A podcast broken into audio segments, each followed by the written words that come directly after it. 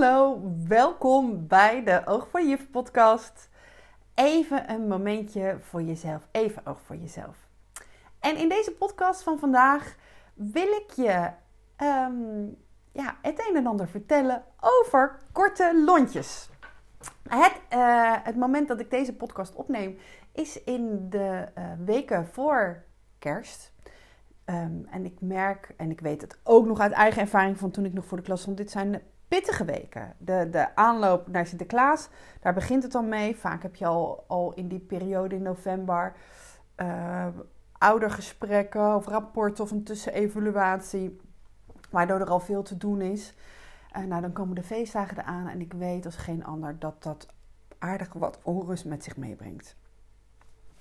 En als het um, periodes zijn die wat drukker zijn en vollere agenda's vragen dan anders, dan is de kans ook veel groter op een korter lontje. En ik ben benieuwd, als je dit nu hoort bij mij, hoe, hoe is het bij jou? Hoe kijk jij naar jezelf? Weet jij van jezelf dat je misschien een beetje meer kribbig bent in deze periode? Of, of heb je dat überhaupt wel? Um, kan je wat minder goed hebben als, um, als de kinderen in je klas niet zo goed luisteren. Of misschien heb je zelf kinderen thuis en merk je dat je wat sneller geïrriteerd bent. Of uh, je wat sneller boos voelt of, um, of gefrustreerd omdat er veel van je gevraagd wordt of omdat dingen niet lukken. Nou ja, de, dat kortere lontje, dat is iets wat ik, uh, wat ik bij heel veel van, uh, van, de, van de vrouwen die ik, die ik coach terugzie. Wat ik sowieso heel veel op scholen terugzie als ik uh, in deze periode zo op scholen ben. En het is interessant, want, um, want ik ken hem ook zeker. Al wel, ik je heel eerlijk moet bekennen, dat eigenlijk dat ik daar de afgelopen jaren, durf ik wel te zeggen, uh, dat dat heel goed gaat. En dat komt omdat ik zo eigenlijk daarin bij mezelf bezig ben en zo bezig ben met bewustzijn. Hoe reageer ik? Hoe denk ik? Hoe voel ik me? Uh, hoe wil ik me voelen? Welke invloed heb ik er zelf op? En ja, dat maakte eigenlijk dat ik me helemaal niet uh, zo vaak meer kribbig voel of gefrustreerd. Of, ja, en daardoor ook dus een korte lontje uit naar uh, een ander. Dat was, heel eerlijk, de afgelopen twee weken, nou ik moet heel eerlijk zeggen, het gaat alweer een week goed, maar die week daarvoor wel anders. En ik wil daar heel graag wat over delen met je, omdat, um, ja, weet je, het kan niet anders dan dat je je ook wel eens gewoon daarin herkent. En de reden dat ik dat kortere lontje had, nou, laat ik het anders vertellen. We waren de kerstboom aan het optuigen. En eigenlijk is het al jaren zo dat Manlief de kerstboom neerzet. We hebben sinds dit is voor het tweede jaar dan dat we met een kunstboom, uh, een kunstboom in huis hebben. De jaren daarvoor hadden we de kerstboom en die moest dan natuurlijk in die standaard gezet worden. En dat moest altijd wel iets gezaagd worden en toestanden. Nou, daar hield hij zich altijd helemaal druk mee. En hij deed daarna de lichtjes. En ik, uh, en samen deden we eigenlijk dan de ballen en alle, alles wat erbij kwam kijken. Soms hielpen mijn jongens mee. Soms deden we het met z'n tweeën. Nou, vorig jaar natuurlijk die kunstboom. En dat vraagt dan even wat meer uh, uh, werk. Dus dat hebben we vorig jaar samen gedaan. Maar hij as vanuit de lichtjes. En zo ging het eigenlijk ook deze keer. Hij zette die boom in elkaar. Ik was eigenlijk andere dingen aan het doen. En hij had hem op de plek gezet. Lichtjes erin. En uh, ja, zo van, joh Chris, kan jij met de ballen aan de slag? Nou, dat wilde ik doen. En toen ik keek ik naar die boom en ik vond het helemaal niet mooi. Wat blijkt nou? Ja, bij zo'n kunstboom moet je best wel veel moeite doen om die takken een beetje mooi te maken. Dat die mooi vol eruit ziet. Dat je, ja, ik, ik vind het gewoon niet zo leuk en niet zo mooi als je ziet dat het een kunstboom is. Dus we hebben ook een boom, een kunstboom gekocht waar verschillende materialen gebruikt zijn. Verschillende soorten blaadjes. Dat hij niet zo helemaal, helemaal keurig recht als een driehoek wat je eruit ziet. Uh, ik hou gewoon een beetje van uh, ja, natuurlijk en zo. Nou, dat betekent dus ook dat er iets meer werk gedaan moet worden om die boom eigenlijk er mooi uit te laten zien. Nou, ik vond eigenlijk dat hij dat niet gedaan had. Dus ik, nog eigenlijk zonder verder oordeel of reden, ging ik uh, die takken een beetje meer naar buiten buigen en ja, die boom eigenlijk een beetje aanpassen. Maar die lichtjes zaten er al in en die zaten me behoorlijk in de weg. Dus uh, ik begon al een beetje te sjorren. ik merkte eigenlijk aan mezelf nog niet eens door wat ik aan het doen was. Maar ik merkte wel al dat ik wat geïrriteerdheid voelde. Ik begon een beetje te zuchten. En de eerlijkheid moet me gebieden. Ehm, ik had die week daarvoor al wat last van mijn rug. Ik had met sporten waarschijnlijk hem overbelast. En twee dagen daarna ben ik ook uh, voor de helft van de trap gegleden. Nou, kan je vertellen, dat doet niet zo heel veel positiefs aan als je dat al hebt.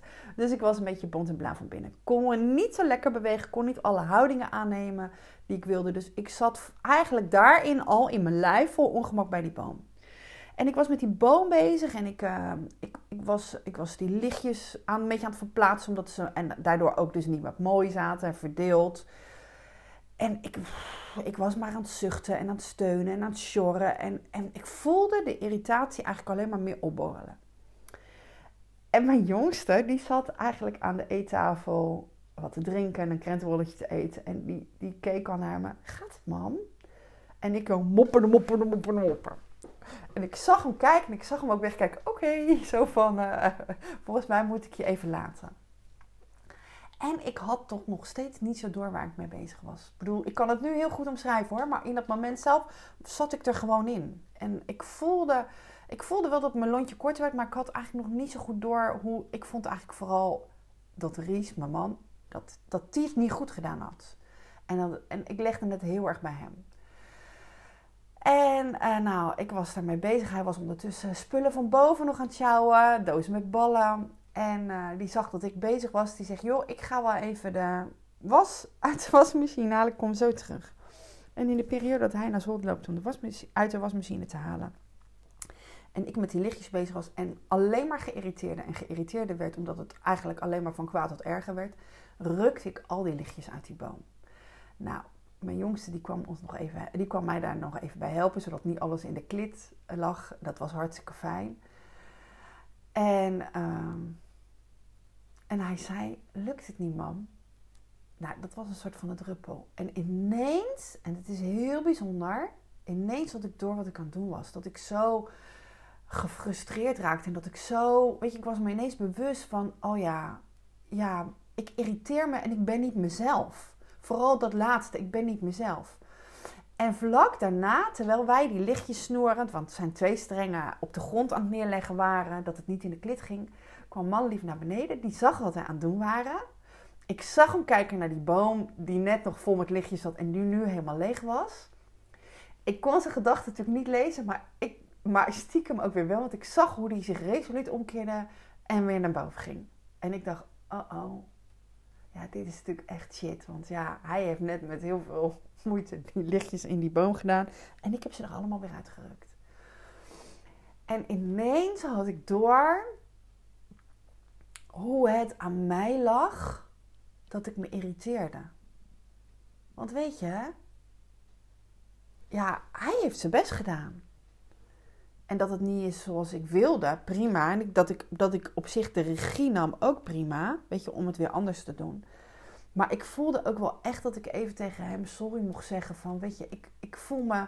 Ik voelde heel duidelijk dat ik niet mezelf was. Ehm, dat vooral. En ik weet nu, dat wist ik toen eigenlijk ook al vrij snel, dat dat vooral kwam omdat ik gewoon lichamelijk pijn had. Omdat ik gewoon niet lekker in mijn vel zat. En, ehm, en dat dit de uiting daarvan was. Die irritatie en die frustratie en dat korte lontje. En ik ging daar eens over nadenken. En, uh, en natuurlijk heb ik het, ik heb het met, mijn, met mijn jongens erover gehad en met, met ook. Van, en ik heb gezegd, joh, sorry. Weet je, ik heb echt het gevoel dat ik even overgenomen werd door een soort van duiveltje in me. En het is echt niet oké hoe ik dit gedaan heb. Nou ja, en daarna was het eigenlijk gelijk ook oké. Okay. Zijn we gewoon samen weer verder gegaan. Heeft hij me weer geholpen met die lichtjes. En uh, nou, eh, is het helemaal goed gegaan. Maar ik was daar later nog wel even over na aan denken. En, en als ik dan even terugdenk aan, aan, de, aan de andere mensen die ik spreek, die ook dat korte lontje kennen. Ehm, het gaat eigenlijk altijd, als jij een kort lontje kent, over niet lekker in je vel zitten. Het gaat altijd over voorbijgaan aan je eigen behoeftes en daardoor irritaties kweken, dingen bij de ander leggen, uh, je gefrustreerd voelen.